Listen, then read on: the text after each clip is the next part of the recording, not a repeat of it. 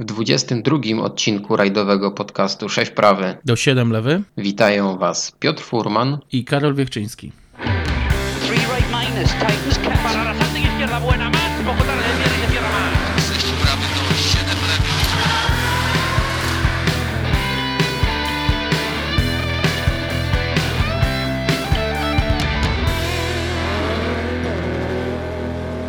Dzisiaj wrócimy do przeszłości, do moich, a mam nadzieję, że i Twoich ulubionych lat 90.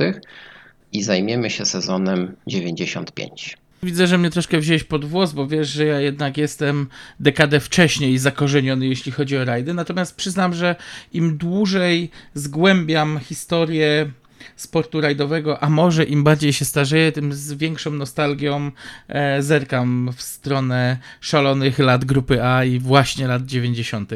Tego czasu, kiedy jeszcze nie było mowy o samochodach WRC, a już nie było e, w użyciu B grupowych. No właśnie, dlaczego sezon 95? Myślę, że na to na tę naszą decyzję złożyło się bardzo wiele czynników. E, postaramy się po kolei je wszystkie w jakiś sposób e, tutaj poruszyć. Tak, a myślę, że największym czynnikiem było to, że gdzieś w naszych rozmowach zawsze przewija się ten temat zgadywania, co by było gdyby. I sezon 95 jest chyba jednym z najlepszych właśnie pod kątem rozpatrywania alternatywnej wersji historii. Tak, ale zajmując się dzisiaj sezonem 95, e, będziemy go rozpatrywać przez pryzmat rywalizacji dwóch kierowców. Dwóch kierowców, którzy reprezentowali wtedy barwy tego samego zespołu, a mianowicie Colina McRae i Carlosa Sainza. Bo ja uważam, że to, że Colin zdobył wtedy tytuł Mistrza Świata, to było bardzo dobre e, dla samego Kolina oczywiście i rajdowych mistrzostw świata, ale ty wiem, że masz e, pewne wątpliwości co do tego. Tak, im, im bardziej wgryzałem się w te zakulisowe rozgrywki sezonu 95 i, i im bardziej analizowałem przebieg całego rajdowego rocznika, tym bardziej dochodzę do wniosku, że to jednak ten tytuł bardziej należał się Carlosowi. To nie był pierwszy sezon, e, kiedy ci dwaj wielcy kierowcy e, rywalizowali w tym samym zespole. W 1994 roku Carlos właśnie przyszedł do zespołu ProDrive. Startował wtedy pięknym, błękitnym Subaru. E, I bardzo to auto mu leżało od samego początku, bo rok wcześniej też walczył o tytuł Mistrza Świata, tylko z Didierem Oriolem z Toyoty. E, w 1995 roku wszystko miało wyglądać inaczej. E, no i nagle nastąpił zwrot akcji i do walki wszedł Colin. Colin wszedł Widzisz, w wielkim ja, ja, stylu, ci, tak jak to Colin potrafił. Ja ci jeszcze muszę przerwać, bo wspomniałeś o tym wejściu do zespołu y, przez Carlosa Sainza. No i trzeba to tutaj podkreślić, że przyjęcie y, już w tamtym czasie dwukrotnego rajdowego mistrza świata przez Colina było takim troszkę policzkiem, bo on doskonale wiedział, że pomimo tego, że ma o wiele większy staż w zespole ProDrive, w zespole Subaru, e, to jednak będzie tam pełnił rolę kierowcy numer dwa. I tutaj ta e, szkocka ambicja i, i, i ta niespokojna dusza Kolina jednak gdzieś dawała o sobie znać. No, natomiast też i profesjonalizm jego musiał te nerwy i, i emocje bardzo mocno studzić. Ja nie ukrywam, że duża zasługa tutaj jest Jimmy'ego McRae, który bardzo mocno wpływał na swojego syna i tłumaczył mu właśnie, gdzie jest jego miejsce, że jego czas jeszcze nadejdzie. No i jak się miało okazać, właśnie sezon 95 był tym, w którym ten szkocki diament z Lanark mógł pokazać, mógł zabłysnąć w pełnym świetle. No nie do końca jednak, e, bo zanim oczywiście przejdziemy do e, naszej rozmowy, ja tylko tak szybko e, przypomnę o słynnym rajdzie Katalonii i Team Orders, jakie wtedy tam zastosował David Richards. Ale do tego wcale dojdziemy. nie wyglądało tak. To wcale wtedy tak nie wyglądało, że czas Kolina e, nadszedł. Ale okej, okay, rzeczywiście. Zaczniemy od początku, czyli od rajdu Monte Carlo.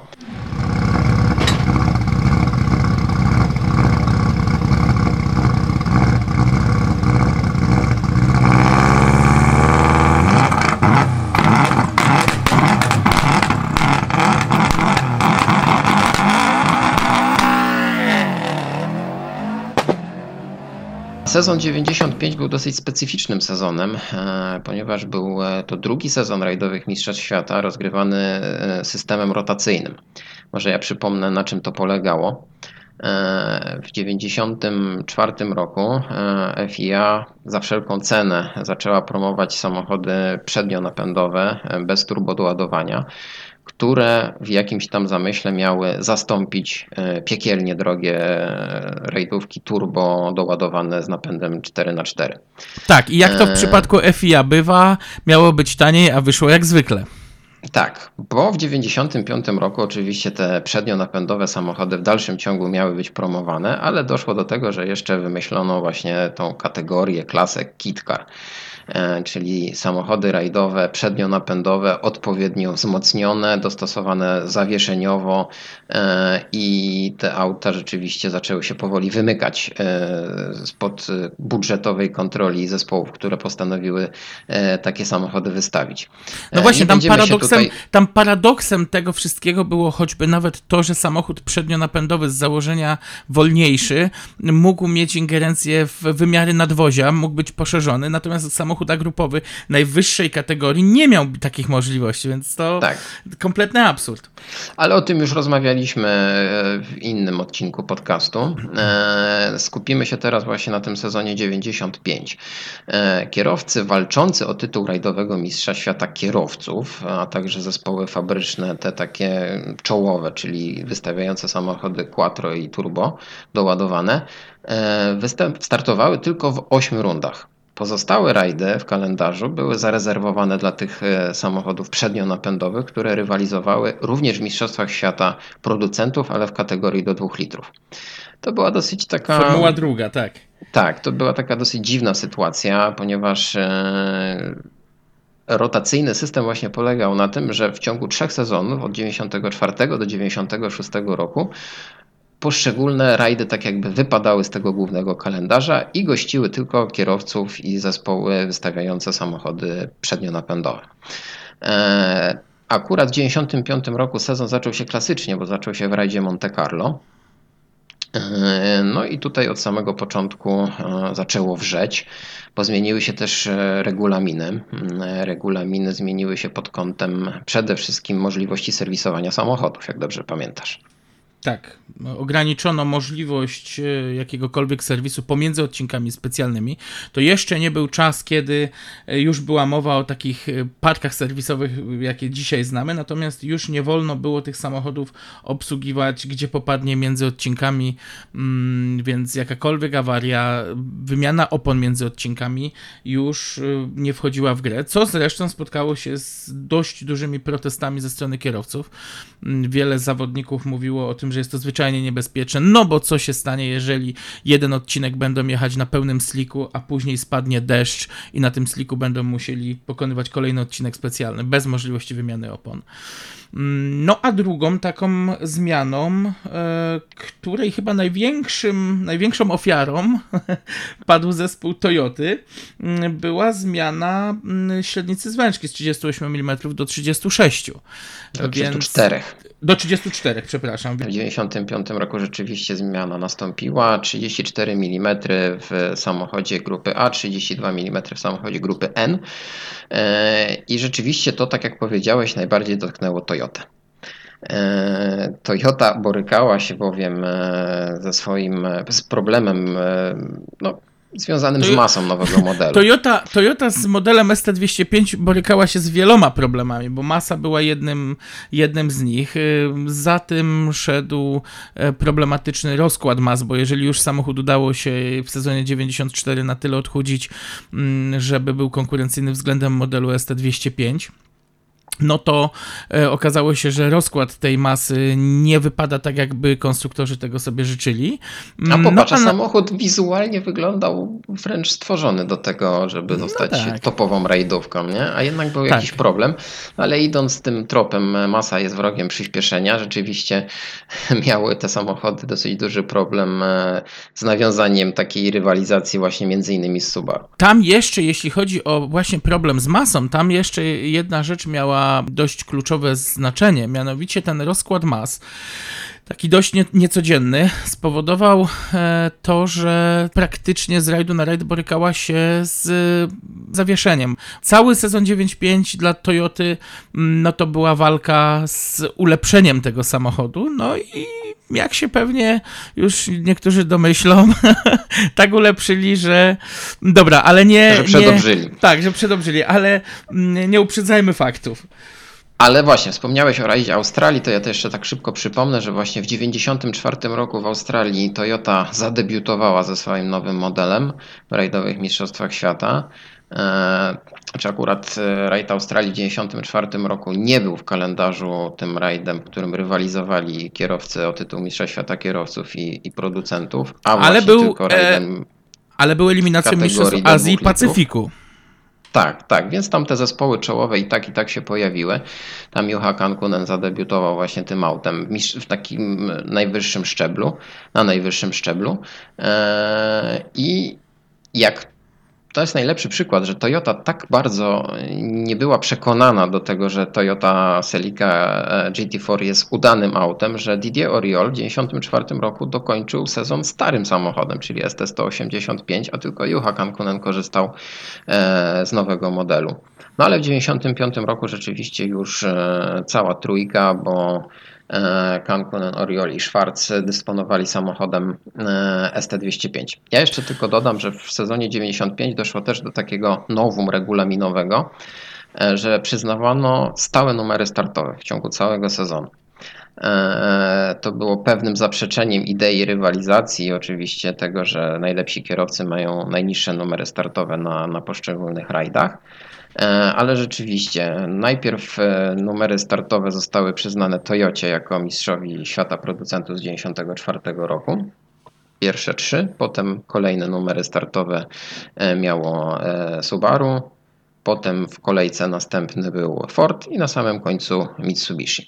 Także Tommy Makinen, pamiętamy, wtedy dopiero jeździł z numerem 11.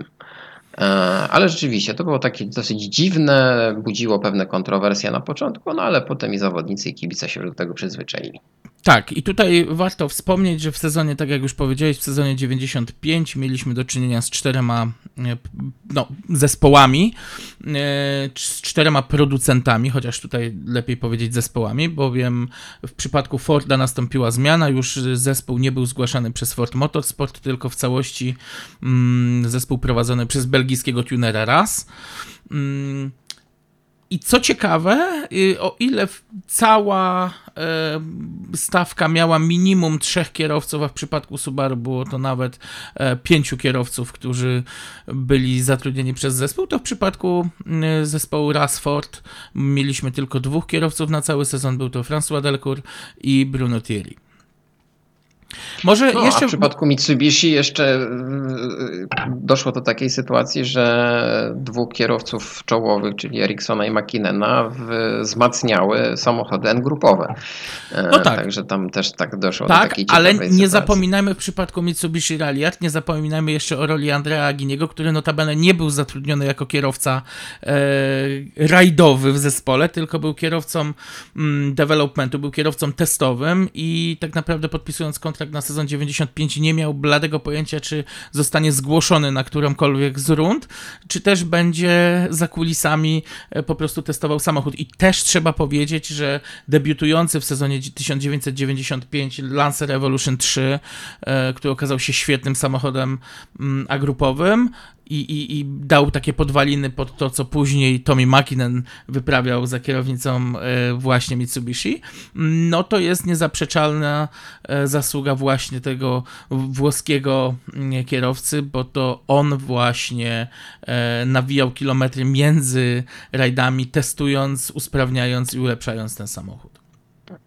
Rzeczywiście, w przypadku Forda e, takim trzonem zespołu był Bruno Thierry i François Delcourt, ale Ford korzystał e, na poszczególnych rajdach e, z różnych kierowców. W Portugalii był to słynny Alessandro Fiorio, Na Korsyce trzecie auto dostał Patrick Bernardini. Tak, tylko, Eee. tylko ci kierowcy nie mieli kontraktu y, podpisanego przed sezonem. To byli tak, Tak. zwani kierowcy z łapanki. Oni byli po prostu w, w ciągu sezonu. Pamiętaj, że bardzo podobną sytuację, z, bardzo, z bardzo podobną sytuacją borykał się Yoshi Fujimoto, zwycięzca Safari z bodaj 94 roku.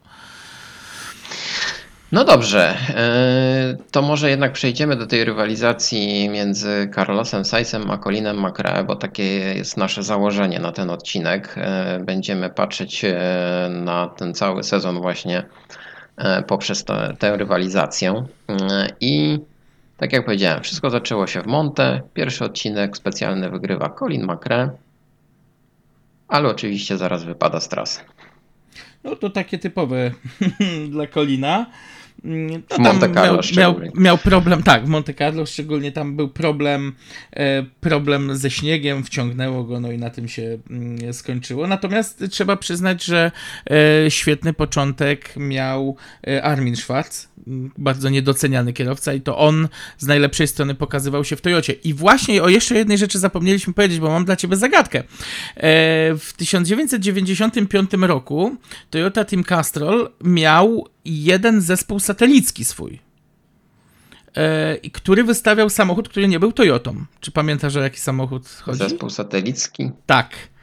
No właśnie bardzo podchwytliwie zadałeś to pytanie, bo w tej Dobrze, chwili nie jestem więc, w stanie... więc e, już, ci, już ci powiem, jest to e, bardzo podchwytliwe pytanie. Oficjalnie przygotowany przez Toyota Team Europe. e, Wiem, był... wiem, przypomniałem sobie, mogę powiedzieć. Proszę. Chodzi ci o Trabanta. Tak jest, tak jest. Samochód, który miał na Tak. przedniej szybie napisane, że we współpracy z Toyota Team Europe, na samochodzie były naklejki Toyota Team Europe i e, Michael Kafus, tak, Tak Trabant jest. słynny. zaliczył trzy rajdy, w jednym się nie zakwalifikował, ale trzeba odnotować. Rzeczywiście była taka sytuacja, nawet pisałem o tym na naszym fanpage'u e, jakiś czas temu, e, ale no, warte odnotowania to jest, e, żeby o tym dzisiaj powiedzieć. Ale dobrze, śpieszymy z powrotem do, do naszych dzisiejszych faworytów. Wracamy do Colina i do Carlosa. Carlos, wymarzony początek sezonu. Wygrał Raid Monte Carlo. e, Delcourt deptał mu po piętach, ale niestety tam Ford e, miał problemy zawieszeniowe z powodu jakiegoś takiego felernego amortyzatora. Delcourt w końcu stracił sporą e, ilość czasu i e, Carlos wygrał ten rajd. Chociaż też nie było tak łatwo tam odnieść ten sukces. No tutaj y, w przypadku Monte Carlo to noc długich noży. Ostatni etap kończący rajd pokazał swój pazur i właśnie za to kocham to stare, klasyczne Monte Carlo, bo tam się dużo działo. Najpierw problemy Carlosa z padającym ym, przekaźnikiem i, i problem ze światłami. To do tego stopnia, że nawet y, odcinało światło Luisowi Moja, więc nie miał jak nawet dyktować. W pewnym momencie po prostu kazał Carlosowi jechać na to, co widzi. E, później, tak jak wspomniałeś, problemy Delcura z e, wadliwym amortyzatorem. To nie była jego wina, to nie było żadne uszkodzenie. To po prostu był zwyczajnie wadliwy amortyzator. No a jeszcze, żeby było śmieszniej, no to mm, już tutaj trzeba wspomnieć o tym, że y, Colin dzień wcześniej y, zaparkował na Sisteron y, z powodu czarnego lodu i jak to fajnie się tłumaczył, on po prostu nie wie, co się stało, nie widział. Inauguracja sezonu dla zespołu Subaru e, udana tak pół na pół. E, Carlos e, wygrał Raid Monte Carlo, co nie było oczywiście jakąś wielką niespodzianką, bo przecież udawało mu się to już w poprzednich sezonach. Trzecie miejsce Juchy Kankunena Toyotą zawiódł Oriol, który rozbił auto z numerem 1. No, w zasadzie wszystko tak poukładane, tak jak powinno być w tej stawce. E, No i potem bardzo szybko trzeba było się już przygotować e, do rajdu szwedzki. E, Rajd Szwecji miał wtedy ten lutowy termin, ale dosyć szybko po rajdzie Monte Carlo. No i tam też kolejna niespodzianka, bo faworyci zawiedli. Ja jeszcze o, mówiąc o rajdzie Monte Carlo, nie byłbym sobą, gdybym nie wspomniał właśnie o, y, o kitkarach, e, bowiem właśnie w Monte Carlo zadebiutował y, znany i lubiany Renault Clio Maxi, więc był to naprawdę wspaniały tak. występ, bo Jean Raniotti dojechał tuż za Andreo Magini na siódmym miejscu, co w warunkach rajdu Monte Carlo wyprzedzić Piero Liattiego, który był kierowcą fabrycznym zespołu Subaru, no to było coś, naprawdę. No to był olbrzymi e, wyczyn.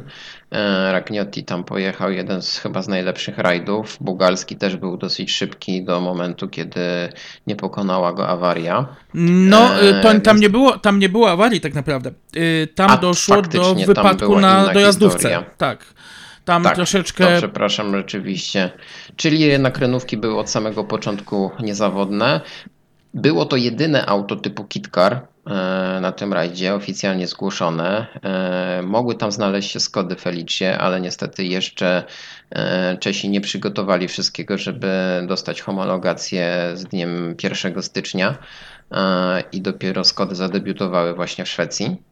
Ja tylko, no ja tylko na marginesie chciałem, chciałem tylko powiedzieć, że co mnie urzekło sprawdzając sobie tak statystyki, to lista zgłoszeń, która e, do tego rajdu wynosiła blisko 200 załóg. W tym dwie Polskie, Marze... Tak, w tym dwie Polskie. Tak, bo wtedy pojechał tam oczywiście w grupie Fiatów Cinquecento e, Jackowie Sikora i Ściciński. E, no i też przecież wystartowała, no, nie dojechała do startu, bo już podczas lotu gwiaździstego pokonała awarię lunchie e, polskiej załogi. Pamiętasz, kto wtedy startował? Grzegorz Skiba? Tak, Grzegorz Skiba.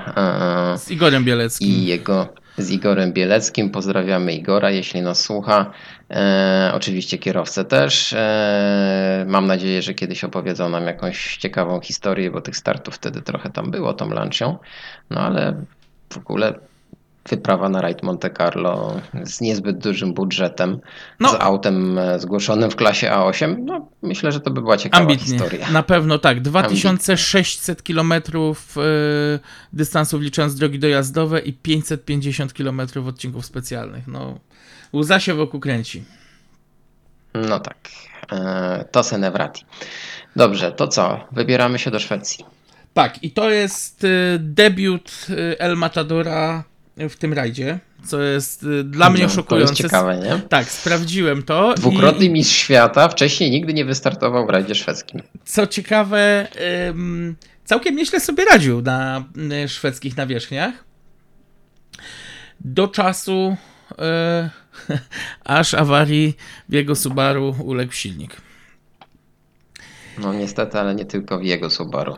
No nie tylko w jego Subaru, tak. Dał za wygraną. Co jeszcze lepsze, to cała trójka zgłoszonych zawodników, czyli e, Colin McRae, Carlos Sainz i Mats Johnson, który był trzecim zawodnikiem, który nie punktował w rajdowych Mistrzostwach Świata, bo nie był zgłoszony do punktowania. No niestety polegli na wskutek tego samego mm, problemu. Tam dochodziło do takiego no, uszkodzenia magistrali olejowej, który skutkował e, no, zatarciem silnika, nie, nie wgłębiając się w techniczne szczegóły. Natomiast y, zarówno y, zarówno Sainz, jak i, przepraszam, zarówno McRae, jak i ym, Johnson odpadli na tym samym odcinku, praktycznie y, na tym samym kilometrze tego samego odcinka, więc, więc widać było, jak bardzo powtarzalne są te silniki. No, Colinowi udało się wygrać e, dwa odcinki specjalne, Carlosowi wtedy tylko jeden.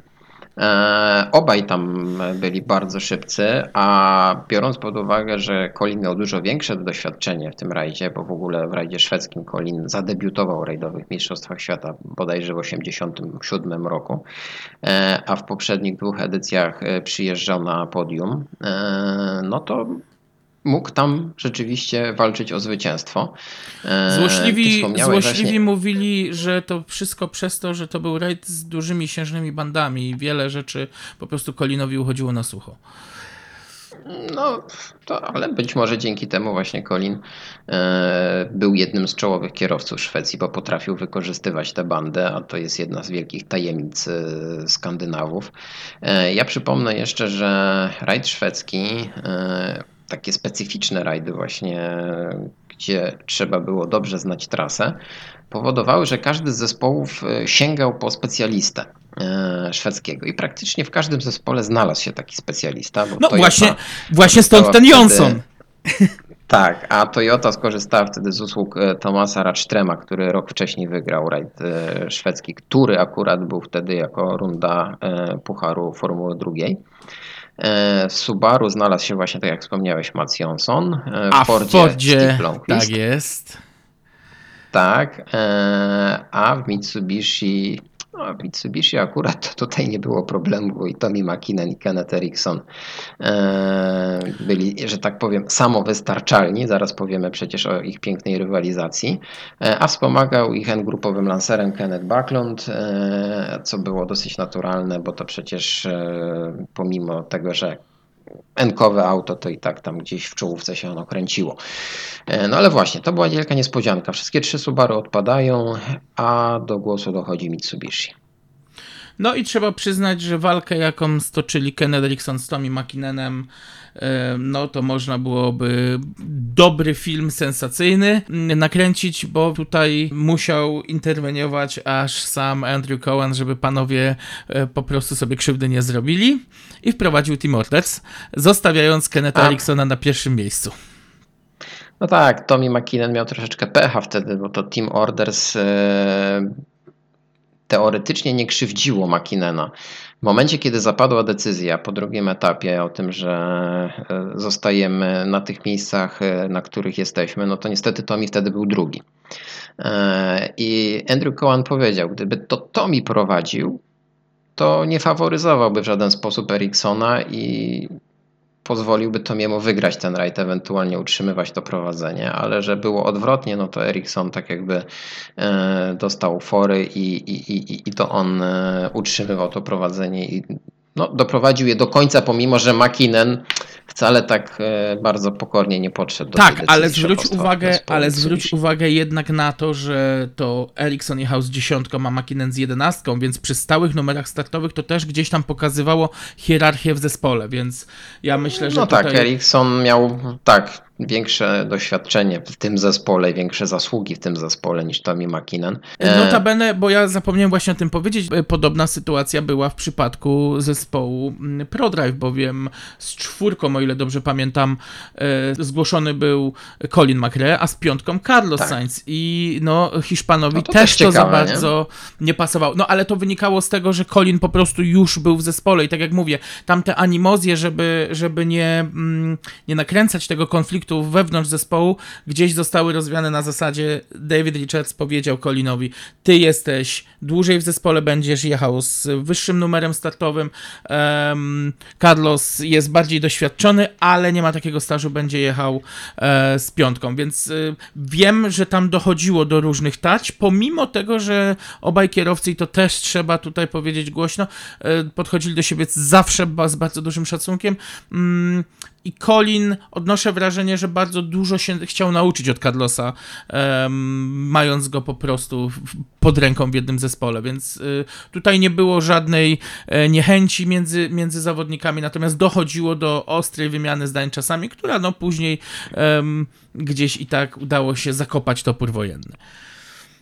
No właśnie, no to rajd szwedzki zakończył się podwójnym zwycięstwem Mitsubishi. Było to ostatnie zwycięstwo Lancera drugiej ewolucji.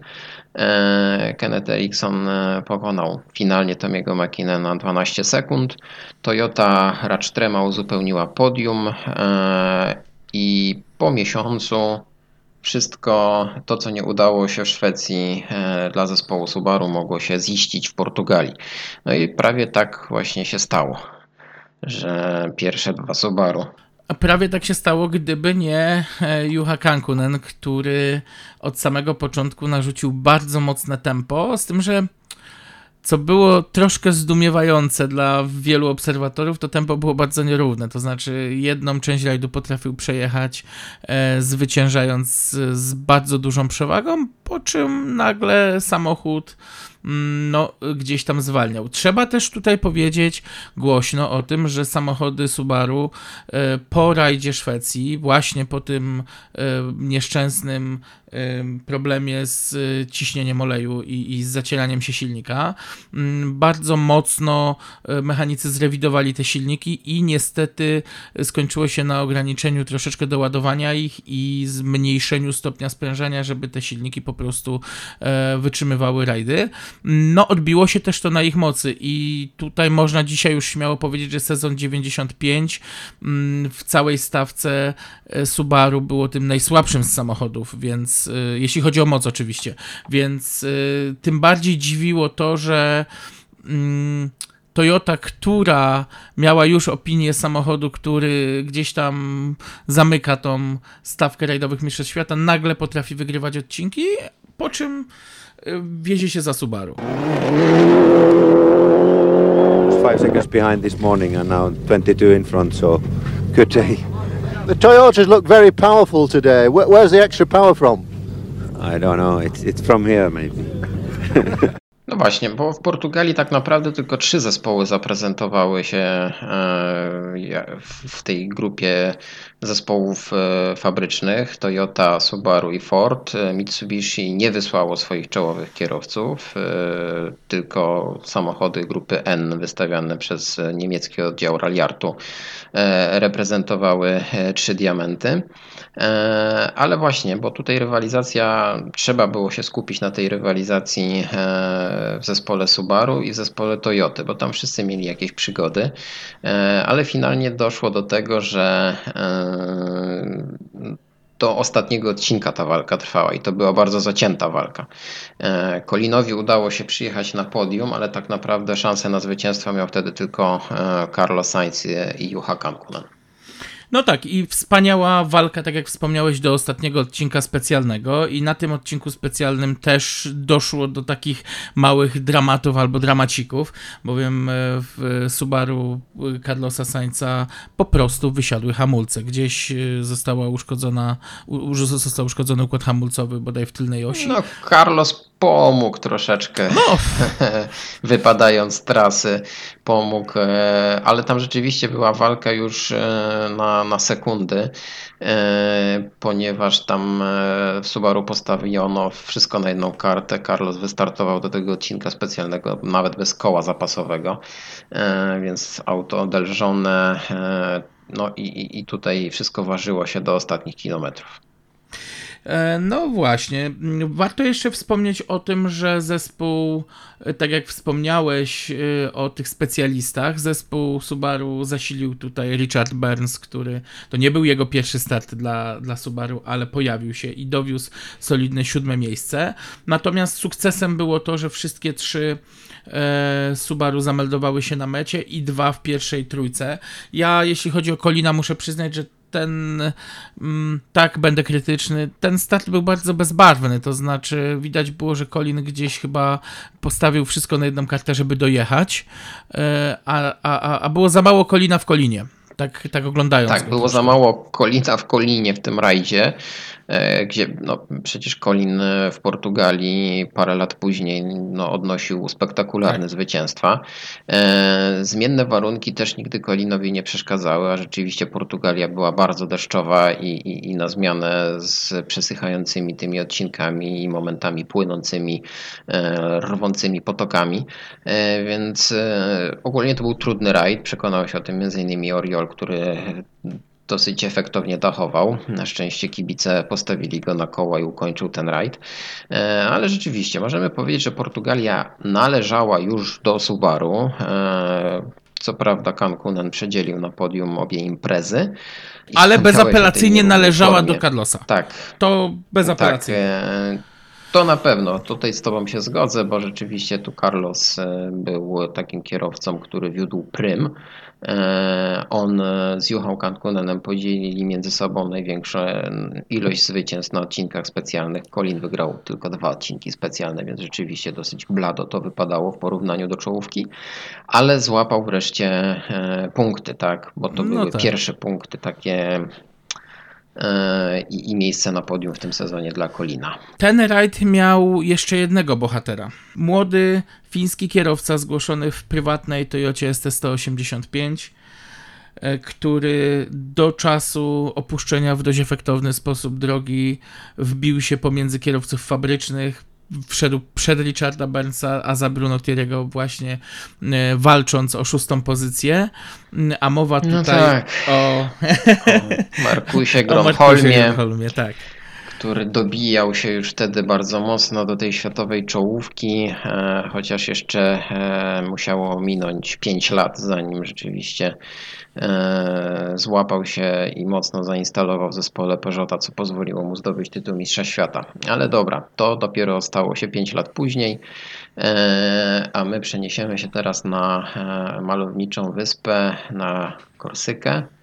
No i tam e, kolejna porażka zespołu Subaru, kolejna porażka Carlosa i Colina. Bo tak chyba tak trzeba to nazwać. No, jeżeli czwarte i piąte miejsce zaliczysz jako porażkę, to okej. E, Natomiast mnie bardziej zastanawia pierwsze miejsce Didi Oriola. Powiedzmy sobie wprost, na mm, y, takich trasach, jakie mm, prezentuje Rajd Korsyki, jednak z samochodem, który jest najsłabszy w stawce, będzie naprawdę trudno walczyć o zwycięstwo z, z, czy z Mitsubishi Lancerem Evo 3, który właśnie tam zadebiutował, czy z Toyotą. E, Ford, No dobrze, wiesz co Karol, ale powiem Ci tak szczerze, że to nie Subaru przegrało z Toyotą, tylko Pirelli przegrało z Michelin. Taka jest e, bolesna prawda. Jednak Pirelli na asfalcie dostało solidny łomot e, od francuskich opon i, i tutaj tego nic nie zmieni. To na pewno też. Ja nie będę tutaj bronił, bronił producentów, natomiast e, faktem jest, że w mojej ocenie, tak jak mówię, słabszym samochodem e, na asfaltach i tym bardziej, że e, pogoda dopisywała i, i, dojechać na czwartym, piątym miejscu, no to raczej. Tym bardziej, że tam były bardzo niewielkie straty czasowe między, między obydwoma zawodnikami, więc reprezentowanie naprawdę wysokiego poziomu. Zaskoczeniem na pewno był e, Andrea Agini z Sauro Farnocią, znanym z polskich odcinków specjalnych, e, bowiem w debiucie Mitsubishi Lancera Evo 3 przyjechać na trzecim miejscu to naprawdę jest coś. Natomiast Tak, dla tutaj mnie. klasa Aginiego przecież Tak. e, jednak e, miała też duże znaczenie. Świetny kierowca, szczególnie na nawierzchniach asfaltowych, e, zwycięzca rajdu Sanremo w 1992 roku. Andrea Agini, tak jak powiedziałeś, był bardzo potrzebny wtedy Mitsubishi, temu zespołowi i temu nowemu Lancerowi Evo 3. No i tutaj rzeczywiście ta ciężka praca zaowocowała. Ten rajd miał y, chyba największego pechowca i chodzi mi tu o Bruno Thierry'ego. Facet, Ach, no który oczywiście. facet, który prowadził w fantastycznym stylu. E, Gość, który widać było ten entuzjazm w wywiadach między odcinkami i, i, i pokazywał naprawdę swoją klasę. Ja zawsze będę powtarzał, Bruno Thierry to jest kierowca, który zasługuje na tytuł Mistrza Świata. To jest facet, który potrafiłby e, zrobić naprawdę dużo więcej, gdyby trafił do innego zespołu niż ten przeklęty Ford. Mm, No z tym tytułem Mistrza Świata to chyba troszeczkę... O, myślę, ta, że- Ta, ta myślę, opinia że- i ten osąd na podstawie emocji twoich związanych z tym, że rzeczywiście Bruno Tirego było nam bardzo szkoda. My o tej sytuacji dokładnie rozmawialiśmy w jednym z odcinków e, o największych pechowcach e, w rajdowych Tak. mistrzostwach świata. Opowiedzieliśmy tam bardzo dokładnie, jak to wyglądało. Przypomnijmy tylko pokrótce, że doszło do awarii e, Piasty w prawym przednim kole w Fordzie Bruno Tiri i Stefana Prevo. E, Niestety z racji nowych regulaminowych rozwiązań nie mogli skorzystać e, z pomocy mechaników po każdym odcinku specjalnym, a nie posiadali takiej części tej nakrętki, która się odkręciła. E, No i no nie ukończyli tego rajdu. No, ze łzami w oczach, bo nie wstydzili się obaj łez, nie ukończyli tego rajdu, a potem już Bruno Tiri To znaczy- nie był w stanie powtórzyć tego sukcesu. Tam nawet, żeby być y, tak dokładnym, y, część była, był mechanik, tylko była to strefa tankowania. I No tak, jednocześnie a tam założenie nie tego nie dokładnie zrobić. tak. Dokładnie tak. Więc niestety To był on, właśnie ten taki najbardziej bolesny chyba moment, kiedy ta zmiana regulaminu doprowadziła zawodników do łez, no, bo finalnie tak to można określić. Tym bardziej, że jak się później miało okazać, właśnie problem z tymi piastami pochodził od producenta samych piast i po prostu do raz y, sport trafiła partia wadliwych części, które e, no, nie, nie jeden raz potrafiły napsuć krwi e, zarówno kierowcom, jak i technikom, bo ta usterka później się też jeszcze powtórzyła. Natomiast y, No więc Bruno Thierry po prostu zwyczajnie jest mi go szkoda. E, Co do jego klasy, myślę, że to jeszcze kiedyś wrócimy do tematu, bo to jest facet, który, który naprawdę dużo więcej mógłby zrobić, gdyby, tak jak mówię, e, gdyby wsiadł do innego auta. Albo był sponsorowany przez inny zespół. O. No tak, no a w cieniu tej pierwszej trójki, e, bo Wright wygrał Didier Oriol, drugi był François Delcourt z 15 sekundami straty zaledwie, bo też była walka do samego końca. Ford wtedy przywiózł na wyspę Napoleona eskorty e, bardzo mocne i wyposażone wyjątkowo wtedy w skrzynie sześciobiegowe, a nie siedmiobiegowe, jak to najczęściej bywało. Tak, co E, e, miało- odbiło się czkawką François Delcourowi.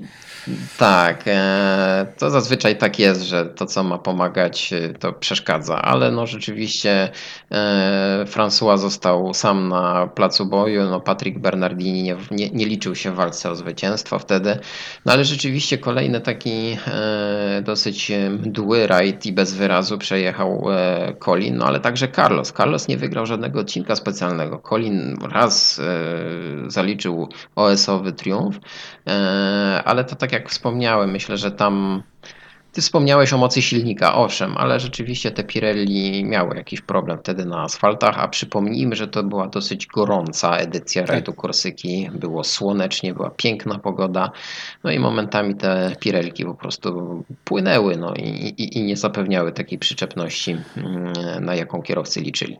No ja jednak mimo wszystko tutaj będę jeszcze y, podkreślał to, że patrząc na klasyfikację y, rajdu Francji, mimo wszystko Sainz był przed Colinem, jadąc y, takimi samymi samochodami na takich samych oponach. Więc... Tak, ale to jest zaledwie 25 sekund różnicy No. na mecie, to nie jest dużo. E, Ale to jednak była porażka, moim zdaniem, obu tych kierowców, e, gdzie i Carlos Sainz, a Colin McRae e, jakiś czas później też przecież na Korsyce odgrywali bardzo istotną rolę i wygrywali ten rajd.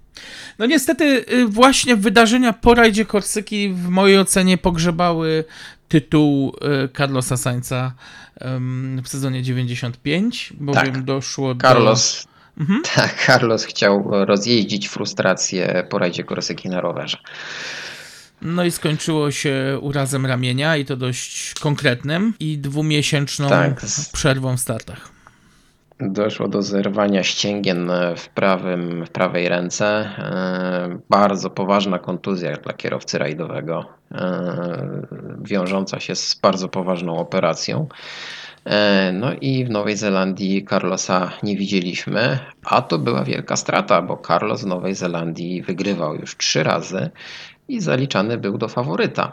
Ale Colin McRae też był zaliczany do faworyta tego rajdu, ponieważ wygrywał w 93 i 4, więc No mogłoby być naprawdę ciekawie. dziś, że, tak. tak. że nie doszło do rywalizacji między tymi dwoma kierowcami.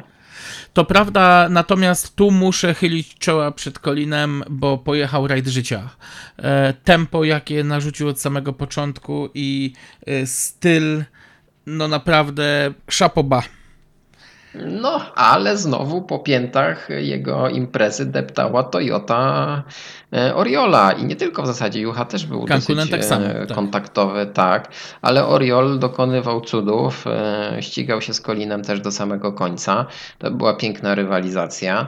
E, No, na tej pięknej wyspie Colin odniósł wtedy trzecie z rzędu zwycięstwo. To trzeba zaznaczyć. Wyrównał wtedy rekord e, Carlosa. Obaj mieli wtedy po trzy e, te zwycięstwa w tym, tym ciekawym rajdzie. No i zaczęło się dosyć ciekawie dziać w klasyfikacji, bo Carlos stracił e, pierwsze miejsce w punktacji. Mm, No i tutaj No, ale mówiąc, właśnie, mówiąc o punktacji, to też ciekawa historia, bo y, mówimy o rajdzie, po którym jeszcze zostały trzy rundy, a ośmiu kierowców jeszcze nadal miało szansę zdobyć tytuł Mistrza Świata, więc e, wszystko mogło się zdarzyć. Ja jeszcze tak e, z ciekawości powiem, że pod um, nieobecność rajdu Tysiąca Jezior, to właśnie rajd Nowej Zelandii w 95 roku był um, imprezą, która miała najszybsze odcinki specjalne. I tak. um, ja to zawsze gdzieś będę podkreślał, że Colin chyba właśnie między innymi dlatego wygrał, bo on zawsze lubił takie długie, szybkie um, OS-y i, i, i to dawało mu tą przewagę. Natomiast już właśnie podczas Nowej Zelandii, y, podczas kolejnego rajdu po tej um, Portugalii, gdzieś zaczęto zwracać uwagę z powrotem na Toyoty, że ich tempo jest nadspodziewanie szybkie, że ani hmm. zespoł Mitsubishi, ani Ford, ani druga, a w zasadzie trzecia impreza, bo tu Possum Bern chyba, który też e, no nie zaliczy tego rajdu do udanych, bo będąc u siebie przywi przywiózł się na siódmym miejscu, e, no nie mieli możliwości nawiązać walki z Toyotami, więc... Faktycznie Col tak. Collins klasa sama dla siebie, natomiast zarówno Oriol, Kankunen, jak i Schwarz, regularne czasy, e, trzecie, drugie, trzecie, czwarte miejsce i naprawdę poza konkurencją. No właśnie, bo jeszcze trzeba też przypomnieć, że między rajdem Korsyki a rajdem Nowej Zelandii e, to też taka dosyć dziwna sytuacja i dziwna kolejność tych występów. E, zawodnicy Toyota i Mitsubishi skorzystali z jednej rundy Mistrzostw Europy, bo Juha Kankunen i e, Andrea Gini wystartowali w rajdzie Ypres. W Belgii. Mm, myślę, że to miało dosyć duże znaczenie nad tym, że nad tym, co stanie się mogła, później, tak. Tak, nad tym, co stanie się później i nad tym, że Toyota mogła dopracować swój szwindel, e, o którym zaraz powiemy szczegółowo. E, ale rzeczywiście mm, był to punkt zwrotny w Mistrzostwach Świata wtedy w 1995 roku ten rajd Nowej Zelandii. Na pewno e, Colin odzyskał wiarę w to, że może walczyć o tytuł mistrzowski, co było dla niego bardzo istotne, bo on od samego początku wierzył w to, że w tym sezonie może być najlepszy. E, I zaraz po rajdzie Nowej Zelandii mm, wszyscy zostali na antypodach, e, bo mieliśmy zaraz rajd Australii. Nie wiem, jak myślisz tutaj może aż takiego dużego znaczenia e, doświadczenie z Nowej Zelandii bezpośrednio nie miało wpływu na to, jak wypadnie rajd Australii, ale rajd Australii też był dosyć niespodziewany, bo znowu Mitsubishi tam namieszało w tej, tej czołówce. No tak, i to jest kolejny świetny występ Kenneta Ericksona, kierowcy, którego ja tak gdzieś tam nie doceniałem, mimo że jeździł bliskim mojemu sercu zespole Volkswagena niegdyś. E, to jakoś nigdy go nie traktowałem jako takiego poważnego pretendenta do wygrywania rajdów e, Mistrzostw Świata. No a tutaj właśnie w sezonie 9.5 mm, pokazał, że potrafi i zwycięstwo w rajdzie Australii naprawdę zasłużone. No i co tu dużo mówić, no. Powrót Carlosa i odnoszę wrażenie, że. Tak, i odnoszę wrażenie, że troszkę za wcześnie. Widać było, że Carlos chce walczyć o tytuł, e, że nie odpuści tak łatwo, no ale niestety oficjalnie mm, był to wypadek, to znaczy wypadek. No gdzieś tam wyjechali poza drogę, uszkodzili chłodnicę i zagotowali silnik. Natomiast y, wszystko wskazuje na to, że Carlos się do tego nie chciał przyznać. No Carlos twardy gość, y, ale po prostu gdzieś brakło ręki, gdzieś po prostu nie dokręcono i, i, i, auto wyjechało poza drogę. No, wiesz, powiedzmy sobie szczerze, Carlos nie mógł sobie pozwolić e, na większą przerwę. Przypomnijmy, tylko 8 rajdów e, było e, dawało możliwość zdobywania punktów w rajdowych mistrzostwach świata kierowców, więc Carlos już musiał wrócić. Wrócił, można powiedzieć, na własne życzenie. Nie wiemy, jaka tam była opinia lekarzy, ale no. Ale podejrzewam, że było boleśnie. Było boleśnie, nie chciał tracić punktów, e, ale finalnie tak te punkty stracił, bo nie, nie dojechał do mety. No właśnie, wspomniałeś, przepraszam, że ci, że ci, wejdę w słowo. Wspomniałeś o tym, że 8 mm, rund, ale w ogóle sezon 95 był e, najkrótszym sezonem od bodaj 74 roku w rajdowych czy mistrzostwach Europy, czy w mistrzostwach świata od czasu kryzysu paliwowego. I, i, i, to no, nie wydarzyło się ani wcześniej, ani później właśnie, żeby, żeby tak obcinać sezon aż do ośmiu eliminacji. No. No, po tych trzech sezonach e, Mistrzostw Świata tego systemu rotacyjnego wprowadzonego przez FIA dopiero mieliśmy tak okrojony sezon e, w 2020 roku, który był okrojony poprzez No, przez- e, COVID. Tak, tak, tak. E, Więc rzeczywiście to była dosyć taka wyjątkowa sytuacja. Ja też jeszcze tylko wspomnę o tym, że ten rotacyjny system, który trwał przez trzy sezony, e, pierwotnie zakładano, że będzie trwał sześć sezonów. E, I tutaj wszystko oczywiście się zmieniło po tym, jak e, ten kryzys ilości zespołów e, fabrycznych na, na startach poszczególnych rajdów spowodował wprowadzenie aut WRC, ale to też jest inna historia. Jesteśmy w Australii i mamy niesamowicie zaciętą rywalizację między znowu zespołami japońskimi. Mitsubishi kontra Subaru, Colin kontra Ericsson. Zaledwie 19 sekund e, straty Colina na mecie do Ericssona. E, No, mogło być różnie. Mogło być różnie. Trzeci y, Carlos Sainz, y, gdzieś tam y, goniący mm, pierwszą dwójkę. Natomiast ja myślę, że. Właśnie, bo mówisz, że mogło być różnie. Mnie się wydaje, że jednak Ericsson gdzieś tam kontrolował y, tego Kolina do końca. Że mimo wszystko Tak, tak, tam jeszcze. tą, No, miał tą możliwość kontrolowania, ponieważ po rajdzie Nowej Zelandii Mitsubishi odrobiło e, lekcję e, i rozwiązało problem z zawieszeniami. tak. Tam Ochlins przygotował naprawdę odpowiedni setup e, do auta Keneta i Tomiego McKinnona i to rzeczywiście było widać, gdzie wcześniej na Nowej Zelandii obaj nie liczyli się praktycznie w rywalizacji o zwycięstwo, a Tommy McKinnon zaliczył dosyć e, e, poważny wypadek.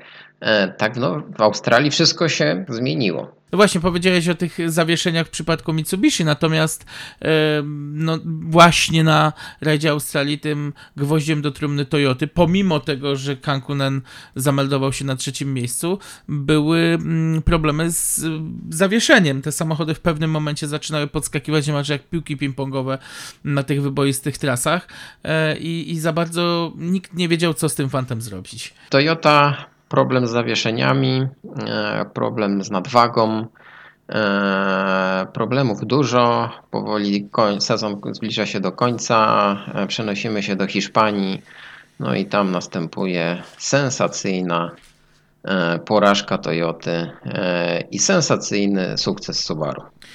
Ja zawsze się będę zastanawiał, e, o co tak naprawdę tu poszło. No bo jeszcze rozumiałbym, gdyby mm, faktycznie trzy Toyoty prowadziły w, w rajdzie Hiszpanii mm, i cała, cała stawka dostawałaby baty, natomiast tutaj tak kolorowo nie było.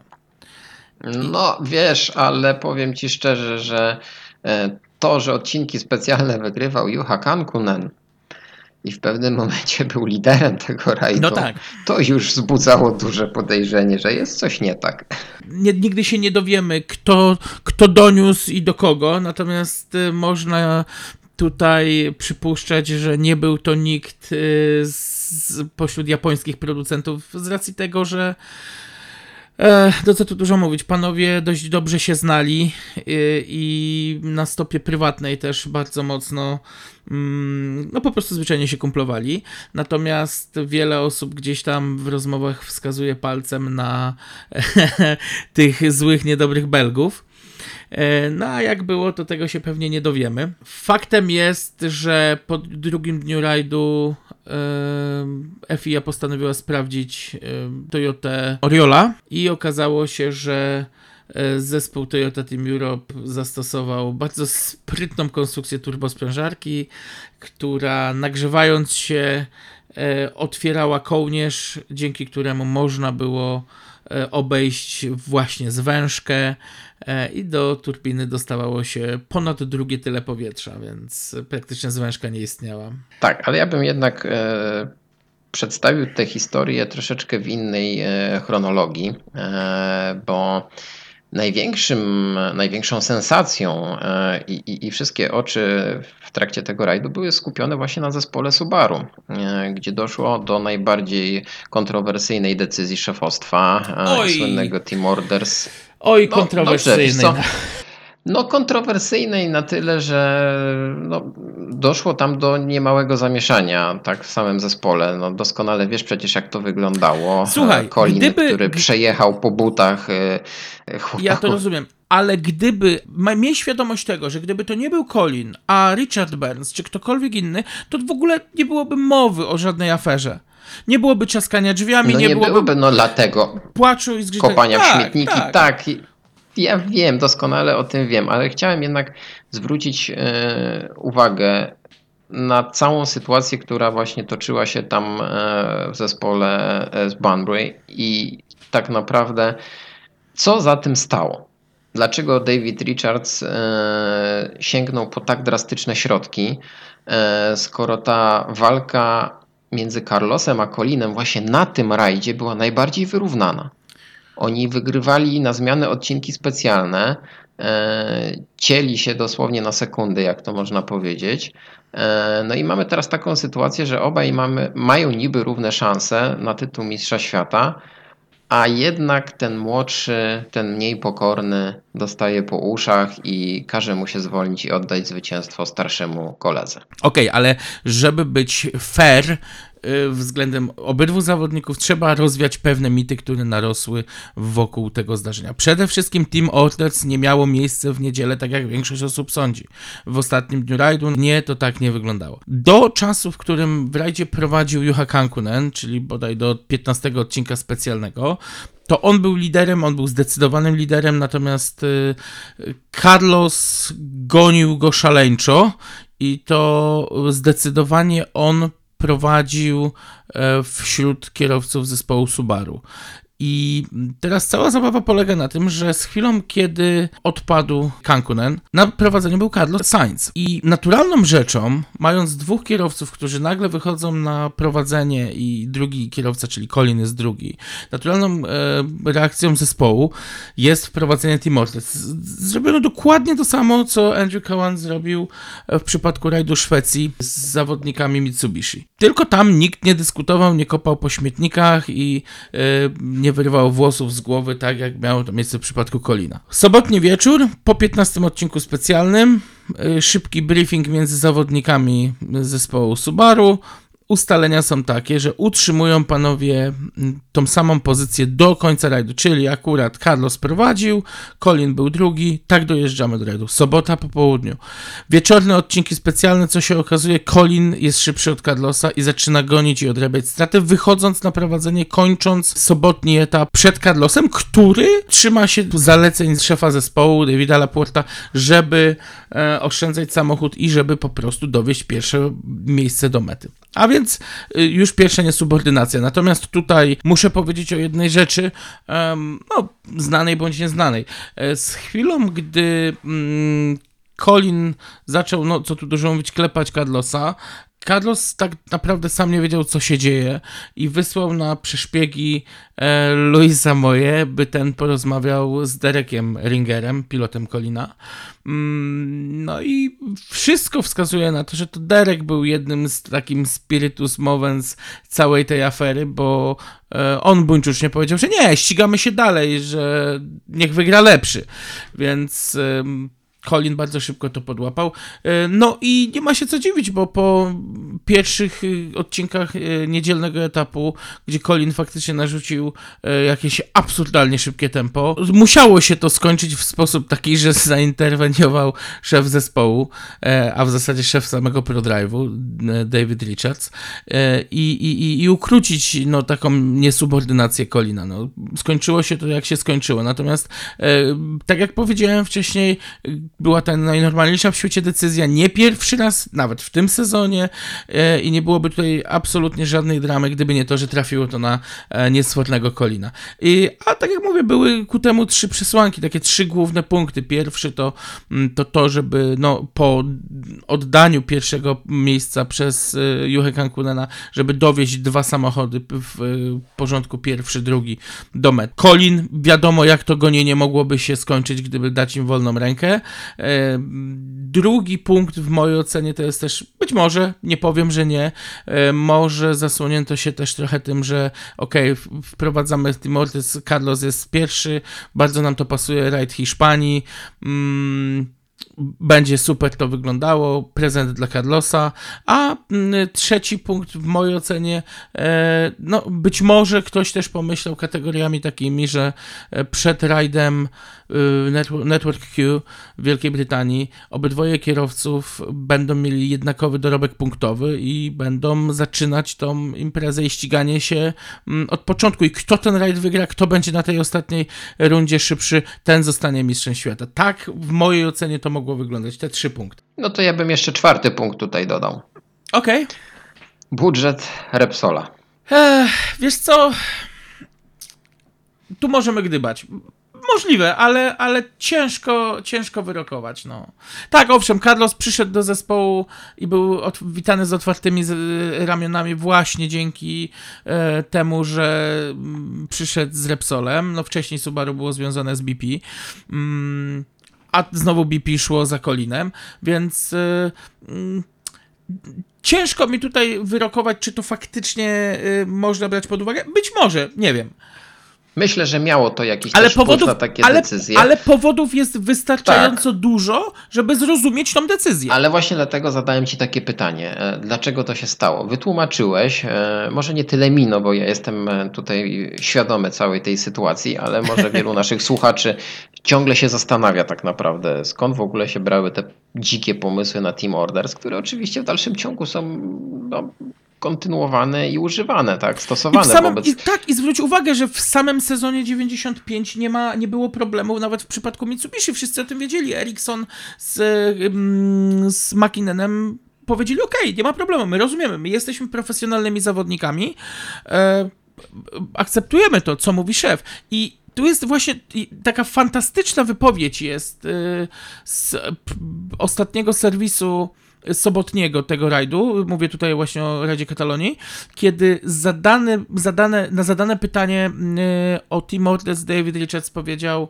że to są profesjonalni kierowcy, oni muszą zaakceptować moją decyzję. Tak, muszą za, zaakceptować decyzję szefostwa, a ja po przemyśleniu całej tej sytuacji e, mogę stwierdzić, że tak naprawdę e, to Kolinowi pomogło zdobyć finalnie tytuł Mistrza Świata. E, bo zaraz Myślisz, przejdziemy. że gdzieś tam sportowa ambicja Tak, w nim tak, to co, wzrosła? tak, zaraz powiemy, to, zaraz, po, zaraz opowiemy o rajdzie Network Q, o, o rajdzie kończącym sezon. To, co tam robił Colin, to było niesamowite. Tam Carlos po prostu wyraźnie podróżował e, w cieniu Colina e, i to nie jest żadna, żadna tajemnica, ale do tego wrócimy. I don't agree with it, but that's the way it is. I won the rally. Why? We're fighting for the championship. Why should I have to finish second? Eh? Rzeczywiście, sensacyjne decyzje w zespole e, Subaru, sensacyjne wyniki. Pierwsze trzy miejsca zajmują samochody e, z plejadami w logo. I cała ta sensacja tak naprawdę przykrywa, jest, zostaje nakryta przez e, Toyotę i przez aferę z turbosprężarkami. Turbinową, tak. Tak, i tutaj właśnie mamy taki epilog, tą kropkę nad i, bo Toyota jest e, ukarana wręcz drastycznie surowo, bo zarówno zespół, jak i kierowcy mają odebrane punkty e, z całego sezonu 95. Nie pojawiają się już w rajdzie Wielkiej Brytanii, ale także mają zakaz startów w następnym sezonie w 96 roku. To było dosyć No, No, tak. Rzecz spektakularne. bezprecedensowa to jest, to jest prawda i o ile mm, wiem, że y, szefowie zespołów, praktycznie wszystkich zespołów mówili o tym, że y, bardzo dobrze się stało, że producent został ukarany, to jednak y, no, chodziły takie głosy, że nie powinno karać się kierowców. No tak, ale ja jeszcze zwrócę e, uwagę tutaj na zupełnie inny aspekt tej sprawy, e, bo tak jak już rozmawialiśmy, w 1995 roku w rajdowych mistrzostwach świata walczyły cztery zespoły fabryczne, o ile Forda rzeczywiście można było uznać za zespół fabryczny wtedy. E, I wcale nie zanosiło się na to, że następne zespoły, inni producenci dołączą do tej rywalizacji. E, Mamy kryzys. E, Grupa A powoli dobiega końca. E, schyłek tej ery w rajdach jest już mocno widoczny, a FIA podejmuje taką decyzję, gdzie zabiera jeden z czołowych zespołów tej rywalizacji i w 96 roku mamy już tylko trzy zespoły gdzie Toyota tak naprawdę była faworytem, była zawsze takim e, Tak. motorem napędowym tych mistrzostw, nie? Także to jest dosyć... Myślę, że tutaj włodarze FIA wcale nie mieli łatwej decyzji, jeżeli chodzi o podjęcie Wiesz takiej co, decyzji. na pewno na pewno nie, natomiast ja myślę, że oni gdzieś tam e, posiłkowali się cały czas tą Formułą drugą. Że gdzieś te kitkary jednak mieli z tyłu głowy. Popatrz, e, w sezonie 95 e, pojawiły się takie marki jak Skoda. Mieliśmy Seata, mieliśmy Peugeota, mieliśmy Renault z, właśnie ze wspomnianym Clio Maxi, więc gdzieś z tyłu głowy na pewno włodarze FIA mieli tą świadomość, że są już cztery zespoły. Już mówiło się o tym, że Tak. Ford e, też chce wejść do kategorii F2, bo przecież e, w Wielkiej Brytanii nawet dwóch niezależnych tunerów już przygotowywało przy wsparciu Forda mm, samochód, więc e, gdzieś tam e, to zainteresowanie nadal było, co też było właśnie w przypadku Forda kompletną paranoją, bo z jednej strony zespół przekazano rasowi, ale już dwóch tunerów e, firmujących się jako oficjalni tunerzy Forda będą przygotowywać samochody do, do kategorii F2, więc e, no było to bardzo, bardzo dziwne, ale wydaje mi się, że mm, ten rozkrok pomiędzy e, kategorią A8, bo to jeszcze wtedy A8, a Formułą drugą był na tyle niewielki, że gdzieś tam zdawano sobie sprawę z tego, że da się to wszystko scalić i, i, i zrobić jeden cykl mistrzowski. No i nie oszukujmy się, to się stało e, od sezonu 1997 i wprowadzeniu kategorii WRC. No właśnie, bo w 96 roku tak naprawdę dopiero sytuacja z kitkarami trochę wymknęła się spod kontroli, znaczy utrzymanie Tak. kosztów na jakimś w miarę niskim poziomie wymknęło się spod kontroli. No tam już był odlot szerokopasmowy. To... E, Tak, tak, bo w 95 roku przypomnimy pod koniec e, sezonu podczas rajdu Sanremo zadebiutował Peugeot 306 Maxi E, i, i, i w sezon 96 to rzeczywiście był taki najbardziej ekstremalny rozwój tych konstrukcji. No, ale o tym też już rozmawialiśmy w innym odcinku e, naszego podcastu. I ja bym może już chciał e, przyspieszyć i przenieść się e, na rajd Wielkiej Brytanii, do tych upiornych, mokrych lasów. Ten listopadowy finał, przerażający i, i zatrważający tak naprawdę. Było, bo... było przerażająco. E, 510 km OS-owych. Cały rajd 2000, ponad 2300 km, a pierwszy otwierający odcinek specjalny blisko 60 km. Macie Więc, jeszcze jakieś e, pytania?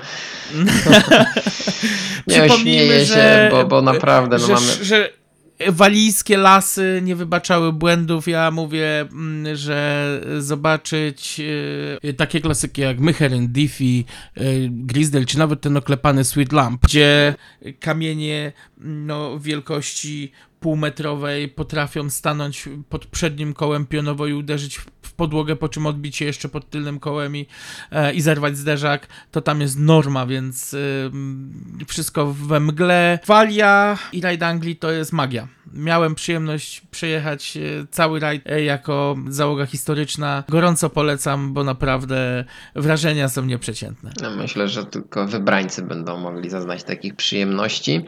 Ty wspomniałeś o e, niewiele ponad 500 km odcinków specjalnych. E, no ja tylko pragnę przypomnieć, że już niedługo w rajdowych Mistrzostwach Świata e, całe rajdy będą razem z dojazdówkami miały pewnie taką e, długość. Ale to, to I to jest... właśnie dlatego dzisiaj rozmawiamy o 1995 roku, niestety. Tak, to właśnie dlatego chyba warto wspomnieć i cofnąć się o te ponad 20 lat, prawie 30 już tak naprawdę e, i przypomnieć sobie jak ten sezon wyglądał, jak walczyli najlepsi, e, a do rajdu Wielkiej Brytanii tak naprawdę mieliśmy dwóch faworytów właśnie w Subaru. Carlos Sainz kontra Colin McRae. E, Tutaj David Richards powiedział, że nie będzie żadnych team orders, że daje e, równe szanse obu zawodnikom. No i zaczyna się koncert Colina. tak naprawdę już od samego początku, pomimo że pierwszy odcinek specjalny wygrywa Carlos Sainz, e, ale to są te etapy jeszcze te krótkie pod kibiców i tam tak naprawdę pierwsze problemy też e, Carlos ma e, po przejeździe ze spleszów. Jednych przełomów wodnych e, następuje awaria chłodnicy, no i pierwsze problemy z samochodem. Ciężko wyrokować, co zawiniło. Czy było to spowodowane błędem Carlosa, czy było to spowodowane, bo tam też doszło do oberwania tej chłodnicy, czy było to też spowodowane po prostu awarią samochodu. No jakkolwiek by na to nie patrzeć, e, to Colin dał absolutny popis e, koncertowej jazdy. Ja się śmieję, że e, tempo ze wspomnianego sezonu 2001 było bardzo podobne właśnie do tego, co mm, Colin wyprawiał w 95 roku, tylko udało się w nic nie palnąć, bo no nie do końca, w mojej ocenie to był, to, tak, owszem, ale to był łód szczęścia, że po prostu dojechali do mety, bo ten samochód też yy, no też oberwał. Oberwał, oberwał I... solidnie. Colin oczywiście mu w tym pomógł, e, bo nie byłby sobą, e, gdyby nie, nie, nie uderzył, nie uszkodził wtedy też zawieszenia. 28 odcinków specjalnych niewiarygodna huśtawka nastrojów i różnych sytuacji, e, nakręcanych przede wszystkim przez Colina, e, bo Colin pojechał ten rajd, e, no tak jak powiedziałeś, wybitnie wręcz bo biorąc pod uwagę ilość przygód, na jakiego tam spotykały po drodze, mm, gdzie tam zmieniali się ciągle na prowadzeniu i Carlos i Colin e, i, i, i jeszcze tam coś do powiedzenia chcieli mieć e, kierowcy Mitsubishi na samym początku. Nieprawdopodobna rywalizacja w tych, tych e, dzikich lasach i to, co zrobił tam Colin, to moim zdaniem była najlepsza, najbardziej wiarygodna i fantastyczna kropka na D. Mm, I dlatego uważam, w telegraficznym skrócie w tej chwili mówiąc, że ten tytuł należał się Colinowi, e, pomimo że bardziej dysponowany i bardziej regularny był Carlos. No widzisz, wracając do tej naszej mm, dyskusji, w mojej ocenie to wszystko zupełnie inaczej by wyglądało, gdyby nie ta kontuzja po mm, rajdzie e, Korsyki i gdyby nie to, że no, musiał odpuścić rajd Nowej Zelandii i e, ja jednak będę się opierał, że mm, wypadek czy też e uszkodzenie samochodu na rajdzie e, Australii przez Carlosa było no, pokłosiem tego, te, tej właśnie kontuzji. No. I zupełnie inaczej by to wyglądało, gdyby nie, no nie te dwa rajdy. Masz rację, zgadzam się z tobą, ale kontynuując nasz ulubiony wątek, co by było gdyby? Mogło się wszystko wydarzyć. A skąd wiesz, że w Nowej Zelandii Carlosowi nie wybiegłaby ta owca, która wybiegła mu dwa lata później i Carlos by również nie ukończył tego rajdu?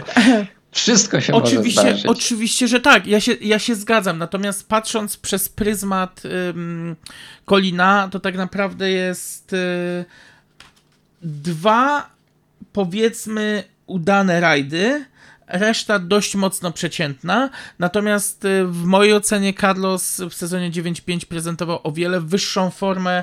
E, tak przez cały sezon od, od, y, od Kolina. I teraz ja mogę powiedzieć tylko tyle, że ja o wiele bardziej widziałbym w sezonie 95 y, jako mistrza świata właśnie Carlosa Sainza, a w sezonie 2001 widziałbym Colina McRae, bo, bo Colin w 2001 roku za, absolutnie e, zasłużył na ten tytuł. No, wyszło jak wyszło.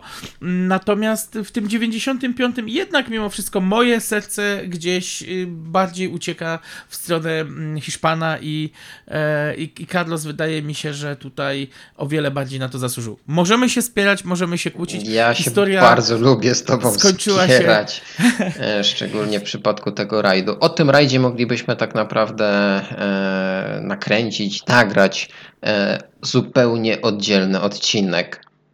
To, co się tam działo, ja mam nadzieję, że ktoś kiedyś nagra film fabularny na temat rajdu Wielkiej Brytanii 95. Ja y, jestem przekonany, że tak się stanie, bowiem y, w Polsce my tego tak troszkę nie zauważamy. Natomiast mieszkając w Wielkiej Brytanii, właśnie w, y, obchodząc rocznicę zdobycia tytułu przez Colina y, w 2015 roku, W to było 95. coś. Nie, nie, ale w 2015 roku obchodząc Obchodząc rocznicę, rocznicę zdobycia. Się, tak. Tak, tak. to było tak nahypowane e, we wszystkich mediach motoryzacyjnych, e, wspomnienia tego triumfu. Przypomnijmy, Collins zdobył tylko jeden tytuł Mistrza Świata i to nie w czasie tym, w którym tak naprawdę był w szczycie formy, bo ciężko powiedzieć, żeby Colin był w 95 roku w szczycie swojej formy i, i, i w tym piku swoich umiejętności, bo ja się nigdy z tym nie zgodzę. Ale zdobył E, ten natomiast- tytuł i w jakim stylu? Na niesamowitym tak, stylu. dokładnie tak. Dokładnie tak. I, i, I pełen ten dramatyzm. Ja się już się śmieję, że na kończącym rajd stadionie ta historia tak opowiedziana, że tam było więcej, wie, więcej ludzi niż w rzeczywistości było. Już każdy mówi, że tak, ja tam też wtedy byłem, bo po prostu zwyczajnie ludzie wszyscy tym żyją. tam byli, i... tak, tam byli wszyscy, to jest prawda. tak. Ale nawet w takim e, skrócie, przedstawiając przebieg tego rajdu, zauważ, ile tam się rzeczy działo niesamowitych. Jak Colin musiał e, poradzić sobie z tymi zmorami z przeszłości, kiedy na tym rajdzie mu nie szło. E, praktycznie kiedy już miał szansę od 91 roku na zwycięstwo w tym rajdzie, Tak. tak naprawdę ciągle I coś za tam się działo. coś. Tak, Tak. coś się ciągle Tak. działo I, i, i to było straszne. Ile on musiał pokonać tych, tych strasznych wspomnień z przeszłości, żeby zmotywować się do tak skutecznej jazdy, gdzie w trakcie tego rajdu potrafił sobie zrobić przerwę e, na kawę w pubie, e, gdzie potem nagle musiał dokonać naprawy uszkodzonego zawieszenia, które oczywiście sam uszkodził e, i, i różnie mogło być. Potem było bardzo duże zagrożenie, że nie ukończy poprzez problem z centralnym dyferencjałem i skrzynią biegów tego rajdu. Tam ciągle się coś działo. Od jakichś e, momentów takiej euforii, totalnego luzu, po jakiś stres związany znowu z tym, że znowu coś zrobiłem, znowu coś zepsułem, mogę tego rajdu nie ukończyć i znowu nie zdobędę tego tytułu, nie, nie, nie wygram tego rajdu. Tak, to była.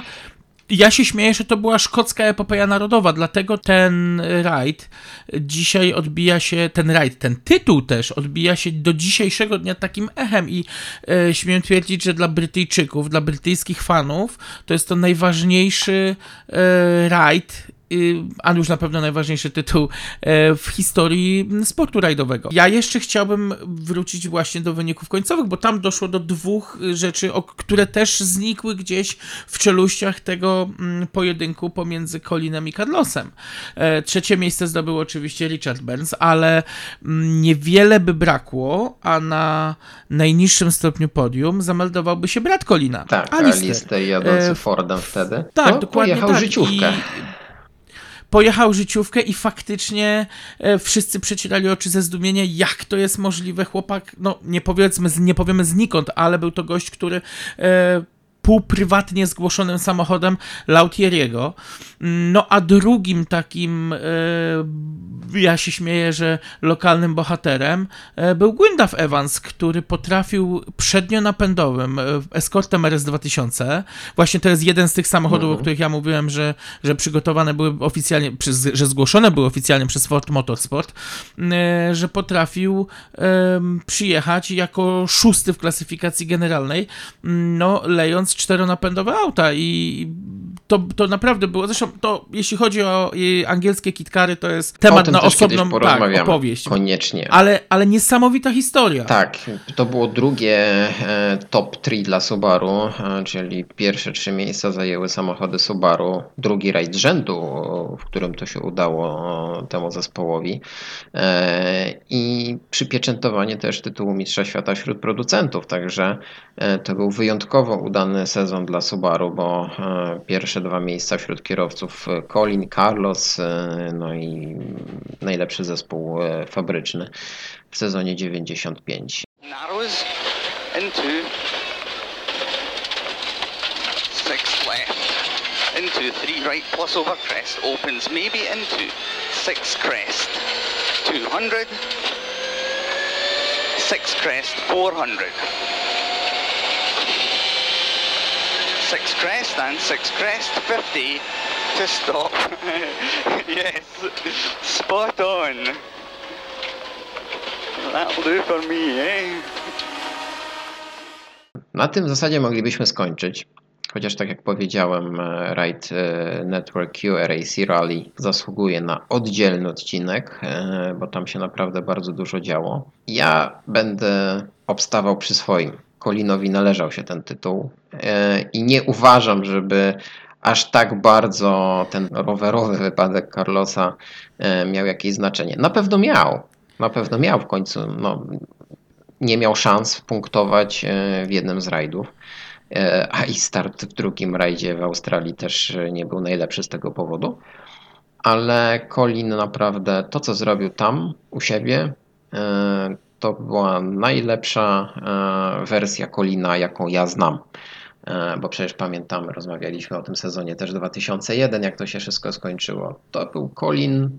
Ty powiedziałeś, że to nie był ten szczytowy moment Colina. Pewnie tak, bo tam jeszcze tych doświadczeń dużo zebrał, ale to był ten Colin, którego ja pamiętam.